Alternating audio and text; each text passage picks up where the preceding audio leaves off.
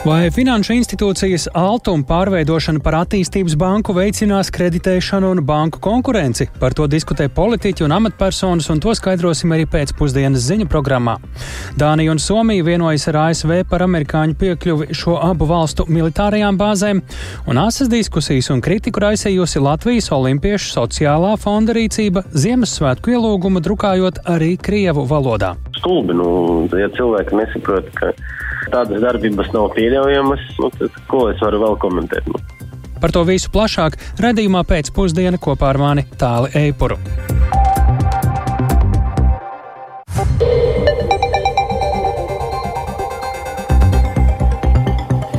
Pūkstens ir 16,5 minūtes, skan pēcpusdienas ziņu programma, skaidrojot šodienas svarīgus notikumus. Studijā tālāk Eipurs. Labdien! Kreditēšanas apjomi uzņēmējdarbībā Latvijā ir tik nepietiekami, ka valsts attīstības bankas izveide uz finanšu institūcijas altumbāzes būtu tikai daļa risinājuma ekonomiskās aktivitātes atdzīvināšanai.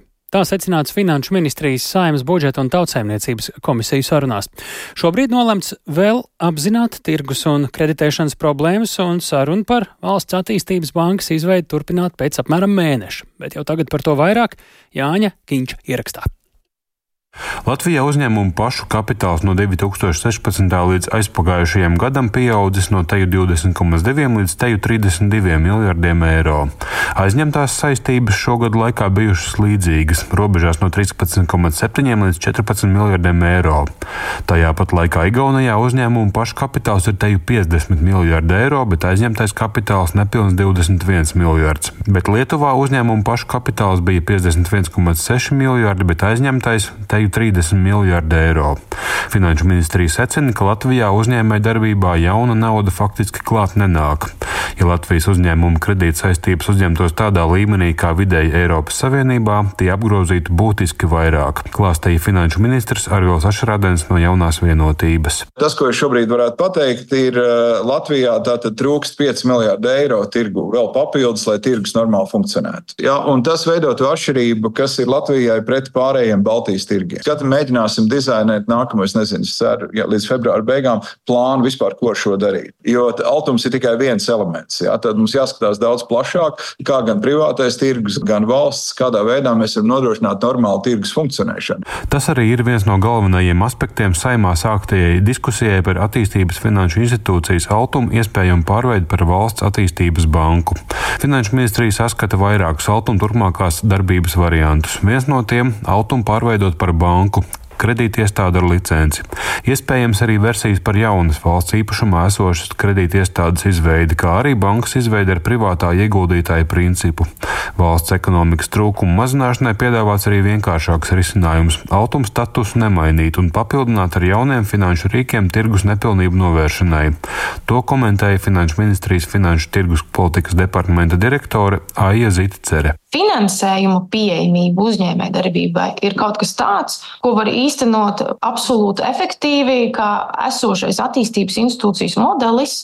Jo faktiski, ja mēs liekam klāt jau kaut kādu komercdarbību, tas rada vēl diezgan lielu arī papildus to administratīvo slogu. Abu saimnes komisiju deputāti gan piekrita, ka šis variants, zinot problēmu, pielīdzināms kosmētiskajam remontam. Vienlaikus netrūka daudz kritikas lielo komercbanku kreditēšanas politikai ārpus Rīgas un Pierīgas. Iespējām uzņēmumiem Latvijā aizņemties jābūt būtiski lielākām. Valsts attīstības banka šo kustību varētu veicināt, pārvilnot lielu daļu klientu no komercbankām. To uzsvēra arī saimnes opozīcijas deputāts Ainārs Lesers no Latvijas pirmajā vietā. Un es teikšu tā, ka kapu zvans zvana. Tad, kad tu esi pa tādu attālumu izrāvies, tad zināmā mērā tev ir vairāk naudas finansēt infrastruktūras projektus valstī. Tas, kas būtu šeit jādara, viena tēma, protams, ir altums, ko altums var palīdzēt, bet es piekrītu finanšu ministram, altums nevar atrisināt visu to starpību, un tur ir nepieciešams tomēr izvērtēt to, kādi likumi, jeb normatīvie akti būtu jāmaina, lai bankas tomēr sāktu vairāk finansēt ekonomiku. Latvijā darbojošos komercbanku pārstāvji šīs dienas sarunā gan nepiedalījās. Diskusija par valsts attīstības bankas veidošanu turpināsies janvāra nogalē.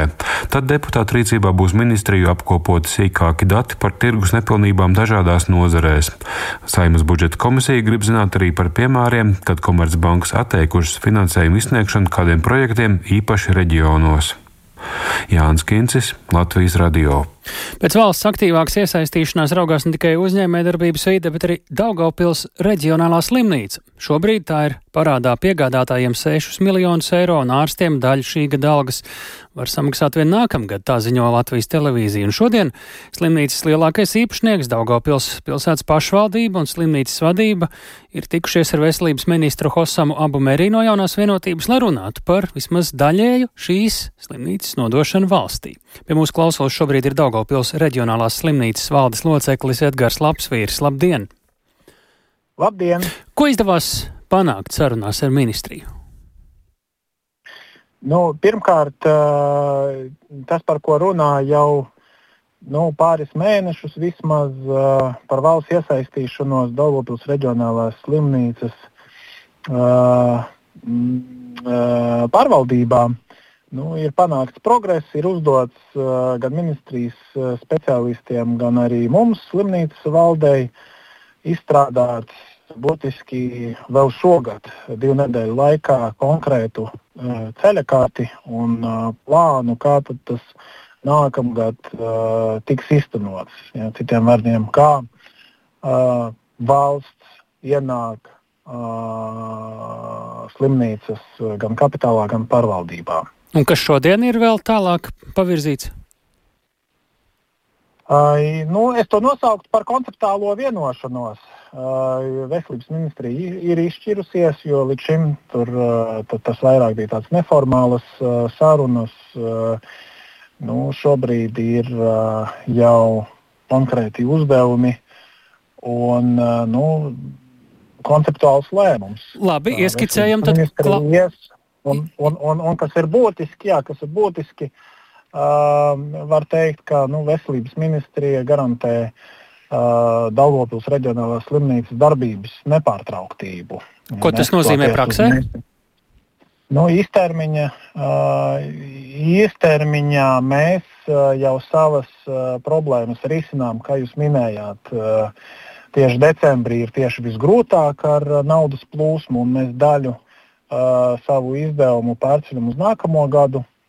Bet uh, uh, nu, šobrīd es nevaru pateikt uh, konkrēti, cik daudz, bet uh, nākamgad veselības ministrija iesaistīsies, pārņems uh, daļu no kapitāla un, un būs uh, uh, nu, noteiks, uh, noteiks uh, kā turpmāk slimnīca tiks finansēta un kā funkcionēs.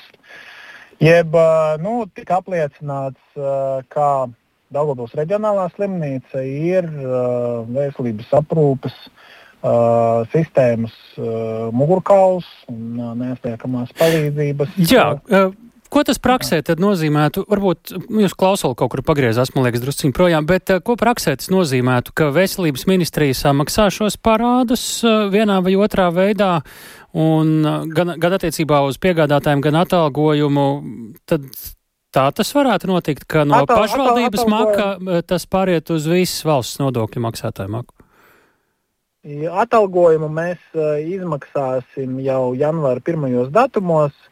Bet uh, konkrēti par uh, finansiālu līdzdalību uh, nav uh, vienošanās par konkrētu summu, nav konkrēts lēmums, un tāpēc es atturēšos uh, no komentāru tieši par šo. Kad par šo Bet, varētu būt uh, lielāka skaidrība?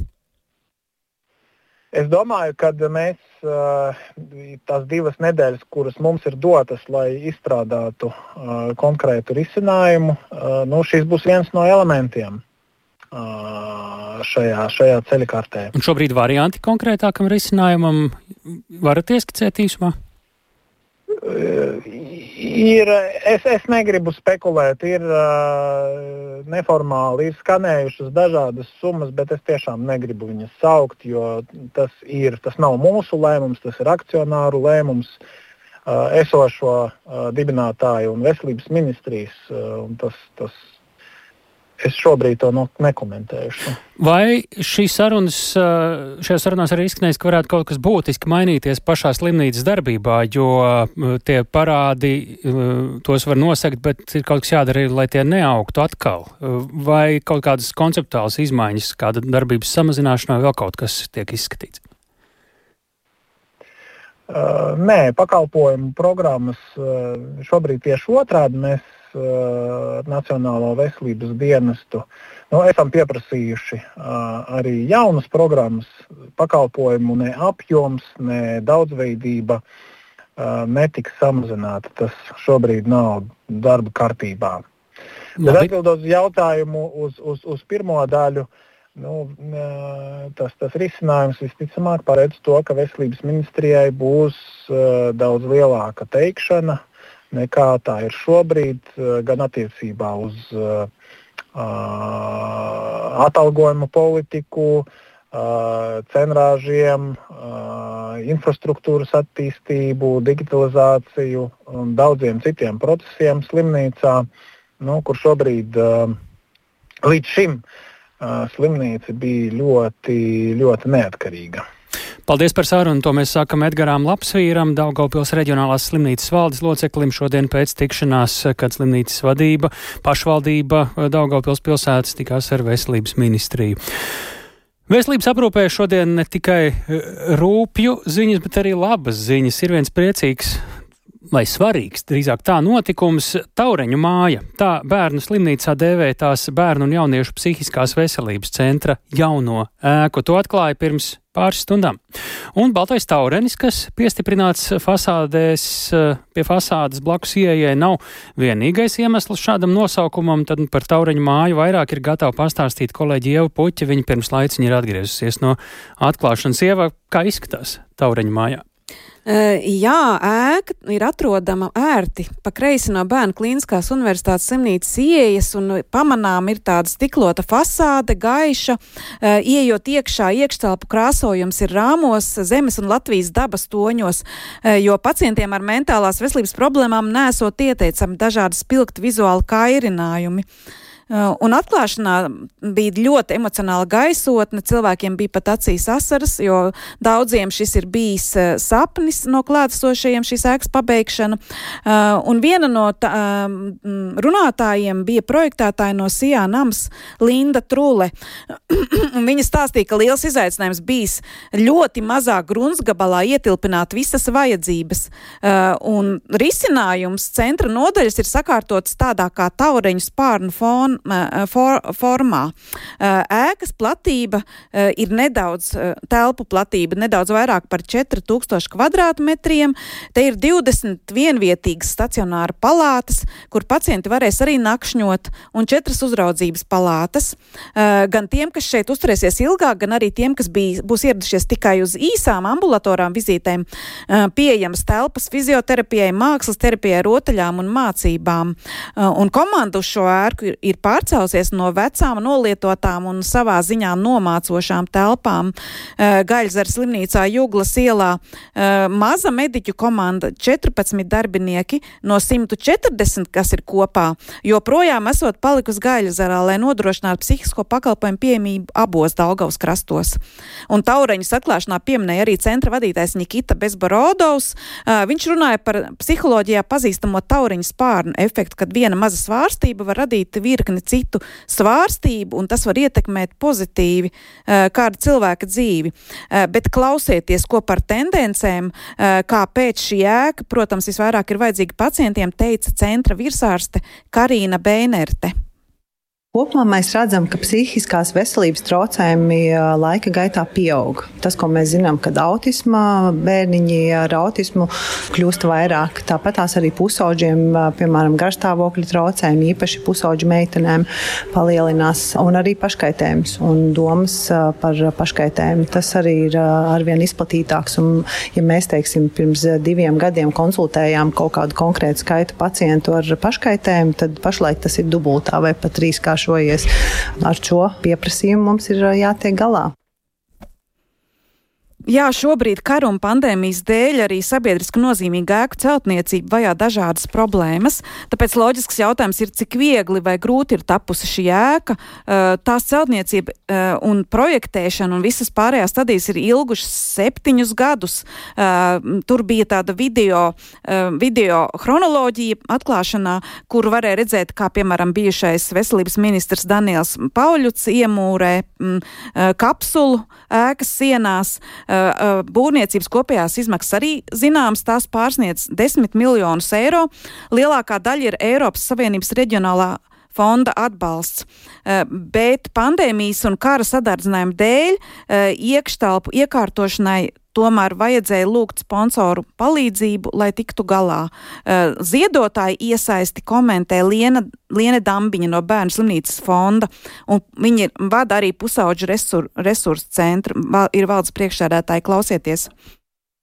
Ziedotāji ir ieguldījuši milzīgus līdzekļus, tie ir vairāk nekā 600 tūkstoši eiro, kas ir ieguldīti šajās telpās, lai tas izskatītos, tas noformējums tāds, kāds tas ir redzams. Un īsnībā tā ir bieži, teiksim tā, ja, kad pietiek tas finansējums, lai uzceltu jaunu ēku, bet pietrūkst pēc tam, lai viņu iekārtotu. Lielākais ziedotājs ir mikrotīkls. Nu, man liekas, tie bija 400 tūkstoši, bet kuri patiešām bērnu slimnīcu un bērnu slimnīcas fondu atbalsta jau daudzu gadu garumā un ļoti dāsni. Pirmie pacienti šeit esot uzņemti jau pagājušajā piekdienā. Tik tālu par Taureņu māju bērnu slimnīcā. Paldies Ievai Puķei, bet Dānija un Somija ir parakstījušas īpašas aizsardzības vienošanās ar ASV par pieeju to militārajām bāzēm, un asas diskusijas un kritiku ir aizsījusi Latvijas Olimpiešu sociālā fonda rīcība Ziemassvētku ielūgumu drukājot arī Krievu valodā. Šie un citi stāsti raidījumā pēcpusdiena jau tuvākajās minūtēs.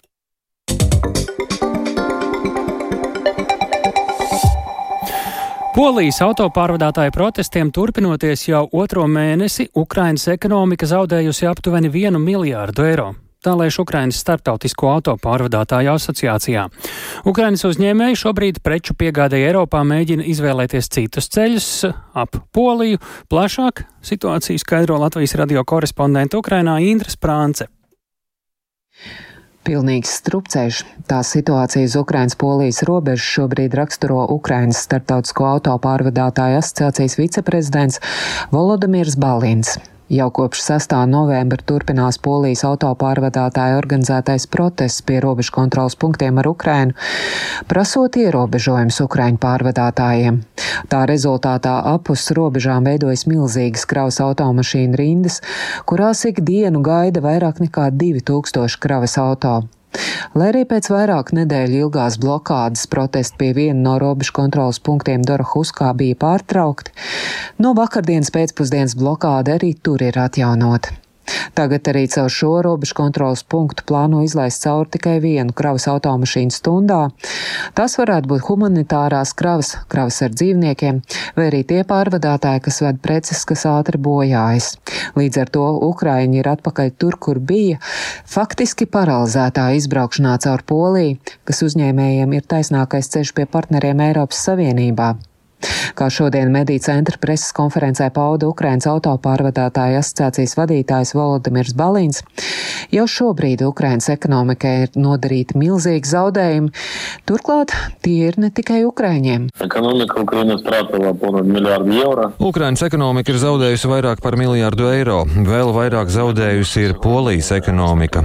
Domāju, ka mūsu pārvadātājiem, un mēs tam esam gatavi, ir jārunā ar eksportētājiem un importētājiem par to, ka robežu šķērsošanu jāveic caur citām valstīm. Poļu iebraukšanu bloķē. Viņi prasa atļauju sistēmas atgriešanu Ukrainas pārvadātājiem, ko Eiropas komisija uzskata par juridiski neiespējamu.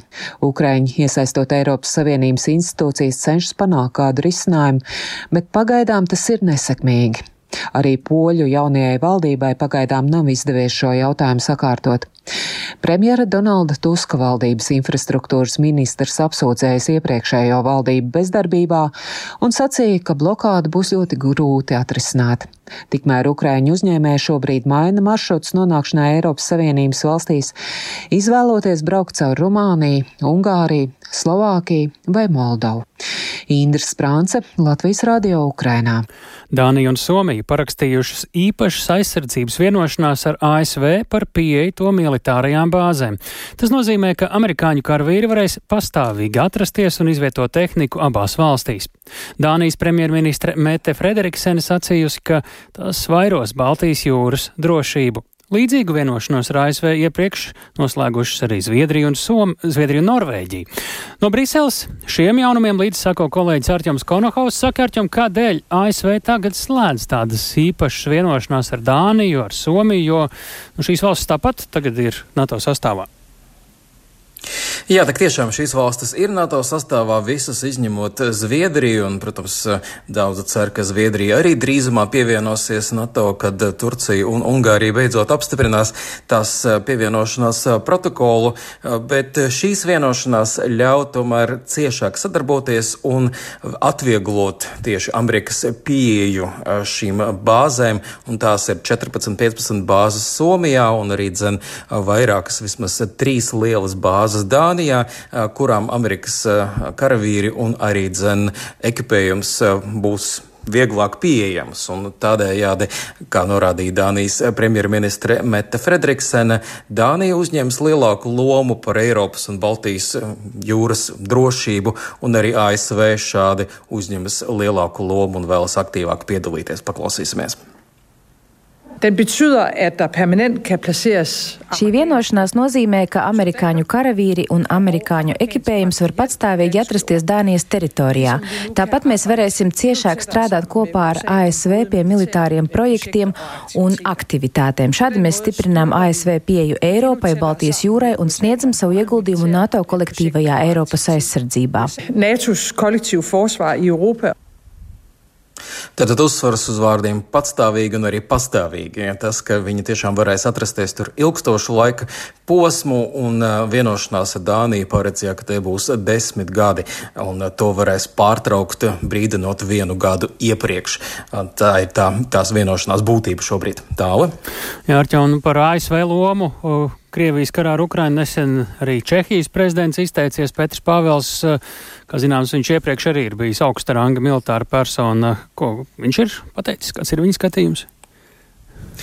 Jā, viņš ir sniedzis nesen interviju, un tajā ir sacījis, ka, jā, lai arī viņš un arī Čehijas valdība kopumā atbalsta Ukrainu un tai palīdz, viņš tomēr sagaida, ka situācija nākamajā gadā būs visnotaļ sarežģīta Ukrainā un ka arī mums visiem ir jāgatavojas iespējams nevisai patīkamām ziņām, bet eh, viens no galvenajiem vēstījumiem, kas ir nācis no Čehijas prezidente, ir, ka viņa prāt Krievijas autoritārais līderis Vladimirs Putins ir nolēms nogaidīt gaidīt līdz ASV prezidenta vēlēšanām, jo viņš ir nolēms, ka viņš sarunas par turpmāko Ukrainas likteni vēlas risināt ar Donaldu Trumpu. Ja tāds nāks pie varas, un no pieredzes mēs varam uh, droši vien pieņemt, ka Putins arī darīs visu iespējamo, lai Trumpam palīdzētu nākt pie varas ar dažādiem līdzekļiem. Un uh, te, protams, līdz ar to Petrs Pavels brīdina, jā, ka mēs šī situācija varētu būt visnotaļ sarežģīta un ka Putins tiešām ir izvēlējies kā vienu no saviem tādiem iespējamiem sarunvedējiem,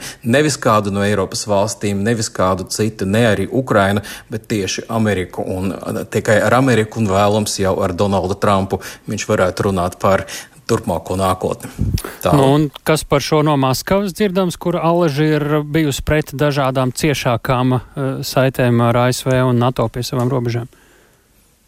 Šāds risinājums, protams, būtu izdevīgs arī Maskavai. Mēs um, zinām, ka Krievija jau arī iepriekš ir visā vainojusi ASV un ir norādījusi, ka Eiropa tikai seko līdzi ASV norādēm. Tajā nav nekas jauns, un arī līdzīgos toņos izteicies uh, Vladimirs Putins, uzrunājot militāru personas savā valstī. Un, protams, pret šiem izteikumiem ir jāuztarās ar ļoti lielu tādu piesardzību, kritikas devu.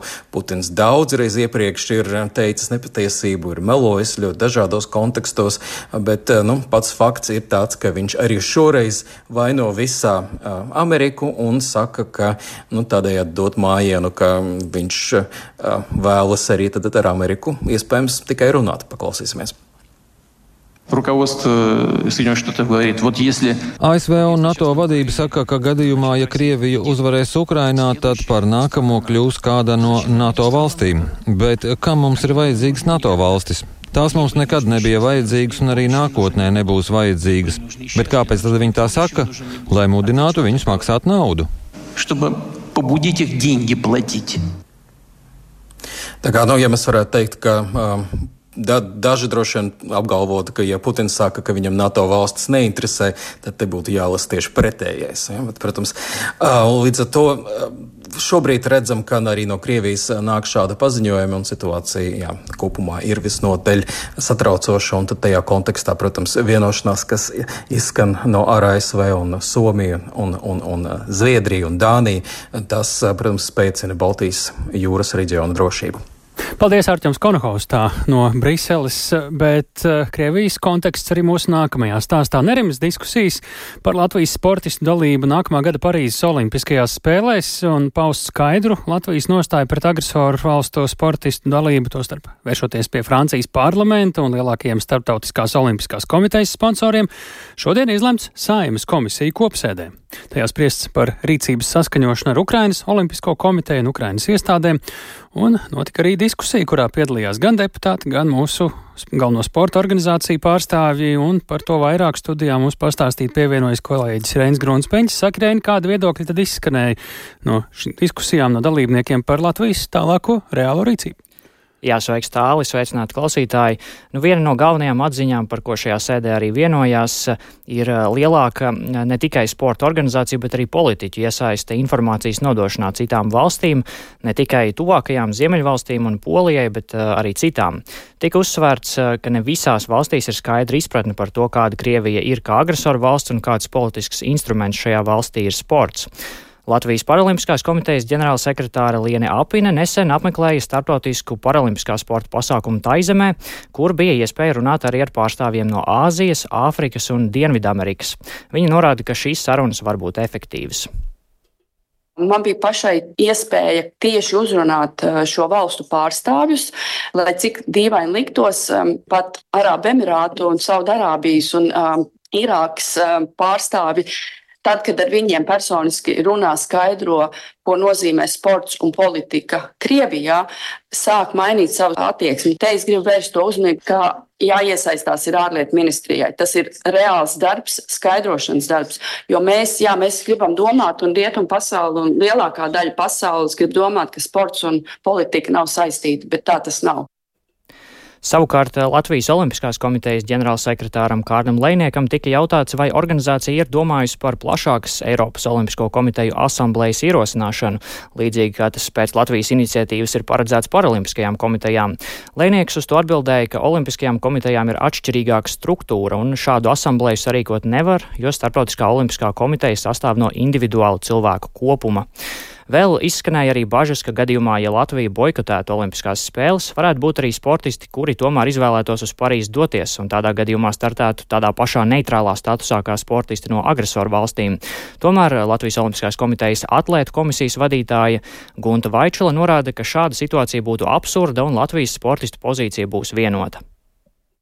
Latvijas sportisti pilnīgi noteikti respektēs jebkuru lēmumu, kuru pieņems Olimpiskā komiteja. Mēs to esam izrunājuši arī savā atlētu komisijā, protams, arī caur atlētu perspektīvu, caur atlētu dzīves prizmu.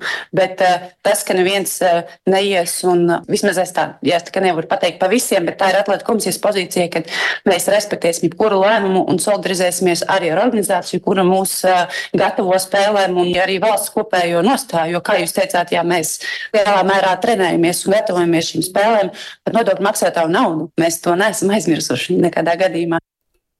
Tālūk, eh, Gunta Vaičula, Latvijas Olimpiskās komitejas atlētu komisijas vadītāja. Tāli. Nu, arī viena no versijām, kā Latvijai izlemt, ir skatīties, ko dara Ukraina. Eh, vai mēs neesam vēl ukrainiskāki par pašiem ukraiņiem, piemēram, nebraucot no Ukraiņa aizbraukt uz Olimpiskajām spēlēm. Kāda šobrīd ir Ukrainas pozīcija, cik daudz par to ir zināms pat labāk? Jā, nu sēdē piedalījās uh, Ukrainas vēstnieks Latvijā Anatolijas uh, Kucevols, uh, kurš sacīja, ka Ukraina turpina uzklausīt uh, pašu Ukrainas sportistu nostāju, tāpēc uh, lēmums arī par dalību vēl nav pieņemts viņiem, un Gunta Vaičula arī atklāja, ka Ukrainas atlētu komisija šobrīd neizskata Olimpisko spēļu boikotu.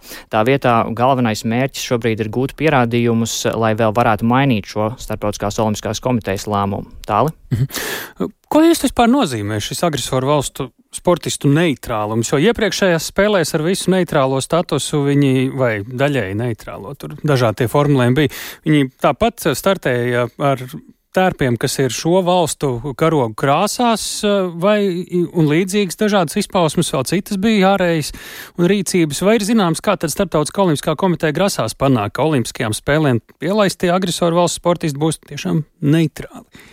Jā, nu šo jautājumu Latvijas Olimpiskā komiteja arī ir oficiālā vēstulē kopā ar pārējo Baltijas valstu olimpiskajām komitejām uzdevusi tieši starptautiskajai komitejai, un atbildi joprojām tiek gaidīta. Bet jā, ļoti interesanti, kā norādīja arī Kārlis Leinieks no pagaidām 11 kvalifikāciju izpildījušajiem agresoru valstu sportistiem, 6 vai pat 7 ir piedalījušies pasākumos, kas aģitētu kara darbību Ukrainā.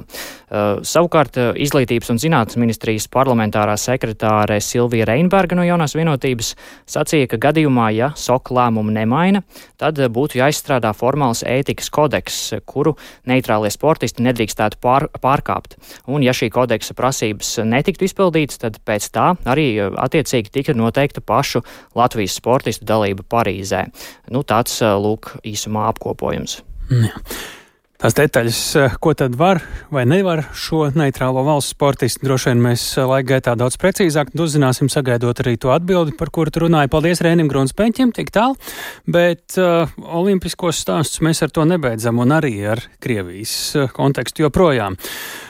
Neizpratni sabiedrībā raisījuši Latvijas Olimpiešu sociālā fonda Ziemassvētku balles programmas, kas vienā pusē nodrukātas latviešu, bet otrā - krievu valodā. Pasākums jau ir noticis pagājušajā nedēļā un bija paredzēts Latvijas sporta veterāniem. Krievu valodas izvēle nosoda arī Izglītības un zinātnes ministrijā, savukārt Olimpiskā komiteja skaidro, ka tā bijusi kļūda. Vairāk par tematu stāsta Paula Dēvica. Pēdējās dienās sociālos medijos vairāki cilvēki dalās ar nofotografētām Latvijas Olimpiešu sociālā fonda Ziemassvētku pasākuma programmām. Gan bijušie sporta funkcionāri, gan sportisti un žurnālisti pauž neizpratni par to, kāpēc programmu bijis nepieciešams nodrukāt arī Krievu valodā, ja pasākums bijis paredzēts Latvijas sporta veterāniem.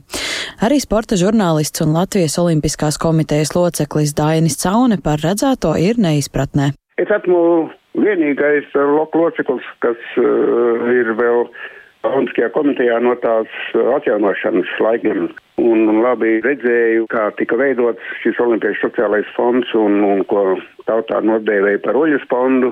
Un nekad neviens pasākums nenotika krievu valodā. Kaut gan šajā fondā diezgan daudz jau no paša sākuma bija arī cilvēki, kas latviešu diezgan pat slikti varbūt runāja, bet viņi visi šo mūsu valodu iemācījās un nekad nav bijuši nekādas problēmas. Un man ļoti pārsteidzis, kad manās e-pastā nonāca šāda pasākuma programma. Caune pamatu šādai izvēlei neredz. Olimpiešu sociālo fondu savulaik dibināja izbijusī basketboliste Uljāna Semjonova, taču valdes sastāvā šobrīd ir Gunta Vlasenko, Agra Brūne un Atis Strēnga. Fonds ir Latvijas Olimpiskās komitejas struktūra vienība. Tās prezidents Jānis Buks skaidro, ka pasākuma organizatori pieļāvuši kļūdu. Bet pasākums nebija tīri tikai un vienīgi Olimpiešu sociālā fonda dalībniekiem. Pasākumā piedalījās arī Ukraiņu bēgļi un arī bērni ar īpašām vajadzībām. Šajā gadījumā, manuprāt, kļūdas pamatā ir, nu, gribēja, kā labāk sanāca kļūdainajā, jo gribēja, lai visi klātesošie saprot, kas būs pasākuma saturā Nu, diemžēl, ja nodrukāja krievu valodā, iespējams, vajadzēja nodrukāt ukraiņu valodā. Buks situāciju ar fonda valdi esot izrunājis un skaidro, ka pats pasākums noticis latviešu valodā. Komitejas prezidents noraida publiskajā vidē izskanējušos pārmetumus, ka Olimpiešu fonds atbalstītu divu valodību un uzsver, ka notikušais ir strateģiskas komunikācijas kļūda. To gan nosoda arī Izglītības un zinātnes ministrijā, turpina sporta departamenta direktors Vladimirs Steinbergs stulbi. Nu, ja cilvēki nesaprot, ka tādas darbības nav pieļaujamas, nu, tad ko es varu vēl komentēt? Nu, tas skaidrs, ka tas nav tas neprofesionāls un amaterisks darbs. Sabiedrības vienotība un, un tāda kopīgā nostāja, tas ir tas, kas šobrīd mums ir visvairāk vajadzīgs. Un tā vienota valoda, tas ir viens no fundamentiem, kā mēs to vienotu sabiedrību varam dabūt. Jā, un vēl jau vairāk, ja tie ir ukraiņu bēgļi, kuri noteikti šeit uzturas jau kādu laiku, un tad uh, vēl jau vairāk es neticu, ka viņu prasība būtu krieviski informāciju viņam sniegt. Ministrijā lūgs Olimpisko komiteju arī skaidrot, vai konkrētais pasākums atbilst Olimpiešu fonda darbības mērķiem. Paula Dēvica, Latvijas radio. Bet vairākās lielajās Latvijas upēs vietām uzlost ledus un ir sākusies ledus iešana. Cik liela ir ledus sastrēguma riski, ūdens līmeņa celšanās un pali?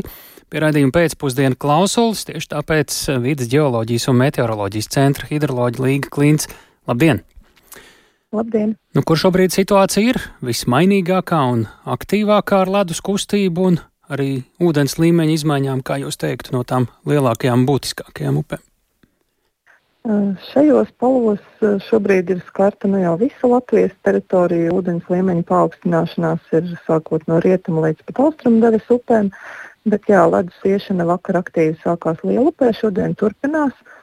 Tā kā ledus nebija biezs, tas bija aptuveni 10 līdz 15 cm biezumā, tad būtiski ledus sastrēgumi nav veidojušies bet tomēr ledusiešanas gaitā ūdens līmenis paaugstinājies par metru un vairāk. Tāpat arī ogres laitacē vakar un šodien turpinās ledus iešana, kur arī ir bijusi diezgan strauja ūdens līmeņa gan paaugstināšanās, gan pēc tam pazemināšanās. Un šodien ir sākusies ledus iešana arī Daugavā pie Jersikas, arī augšpusē posmā pie Krāslavas. Atsevišķos posmos iet ledus, un ledus sāk jau sakustēties arī Kļaviņu ūdenskrātuvē pie Zeļķiem. Tāpēc turpmākajā, nu, teiksim, šajā naktī rītdien uh, ledus iešana var sākties garākos posmos, bet arī tur ledus nav īpaši biezs, tāpēc ļoti sarežģītai situācijai nevajadzētu veidoties. Tomēr ūdens līmeņa paaugstināšanās ir gaidāma. Nu, skatoties tīri dabā, vismaz centrālajā Latvijā, sniegs daudz viet ir tuvu nokusušam, bet tas ūdens droši vien vēl ceļo uz ūdens tilpēm, uz upēm. Ko tas tad varētu nozīmēt ar šo ūdens līmeņa celšanos? Vai ir tomēr vēl kādas vietas, kur mēs varam bažīgi skatīties, ka tur ārpus vēlamajām robežām kāda ūdens tilpa varētu iziet? Jā, ūdens līmeņa celšanās turpināsies šodien lielākajā daļā upju, rīt sāks samazināties daļā riet, rietum Latvijas upju. Uh, Tomēr jāatcerās, ka no mazajām upītēm, kamēr satak, piemēram, kaut vai arī ventā, tad tā ūdens līmeņa celšanās arī lielākās kurzemes upēs vēl turpināsies.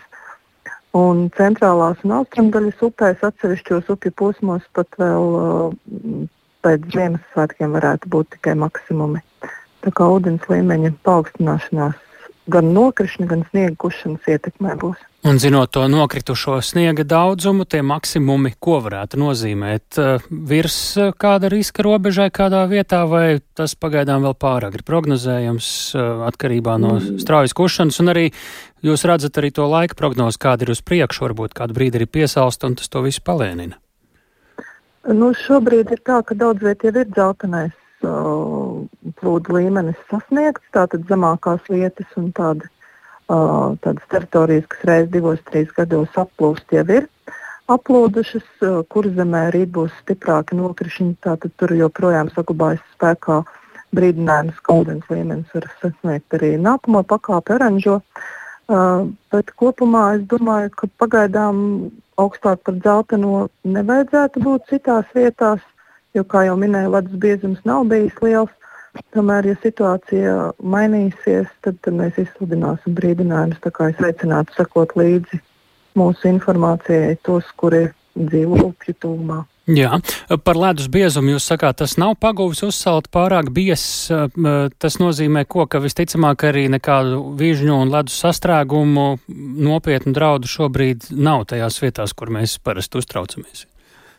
Nu, kā jau minēju, arī vakar Lielupē ledu ejot, ūdens līmenis par vairāk kā metru pakāpās, arī ogrē par vairāk kā metru pakāpās. bet pēc tam virzoties uz priekšu, tomēr spēja atrast ceļu diezgan īsā laikā. Sastrēgums nesaglabājās vairākas dienas, tas izzuda um, dažu stundu laikā. Bet mūkļaviņu ūdenskrātuvē tur tās ledus masas sanāks diezgan lielākas. Salīdzinot ar citām upēm, varbūt tā situācija veidosies netik labvēlīga. Uh, un, un ūdens līmenis pacelsies vairāk par metru, pusotru, bet uh, nu, tur šobrīd ir vēl nedaudz uh, rezerve līdz, līdz plūdu līmeņiem. Tur ir ap diviem metriem šobrīd, tāpēc uh, pagaidām. Skaļu trauksmi tāda neceļam, vērojam ļoti nopietni. Jā. Jā, jā. Lielas paldies par sarunu. Līga Klīns, vidas geoloģijas un meteoroloģijas centra hidroloģija. Šis bija ziņu raidījums pēcpusdiena. To veidojām Mēs tālāk Eipors, Lauris Zvejnieks, arī Uldis Grīmbergs un Rīta Karnača. Ja šo raidījumu vēlties klausīties sev ērtā laikā, tveriet pēc Latvijas radio mobilās lietotnes, meklējiet dienas ziņas, tur varat arī dalīties ar draugiem un paziņām ar šo raidījumu, bet mēs tiekamies atkal rīt kā katru darba dienu pēc ziņām 16 un 5 minūtēs.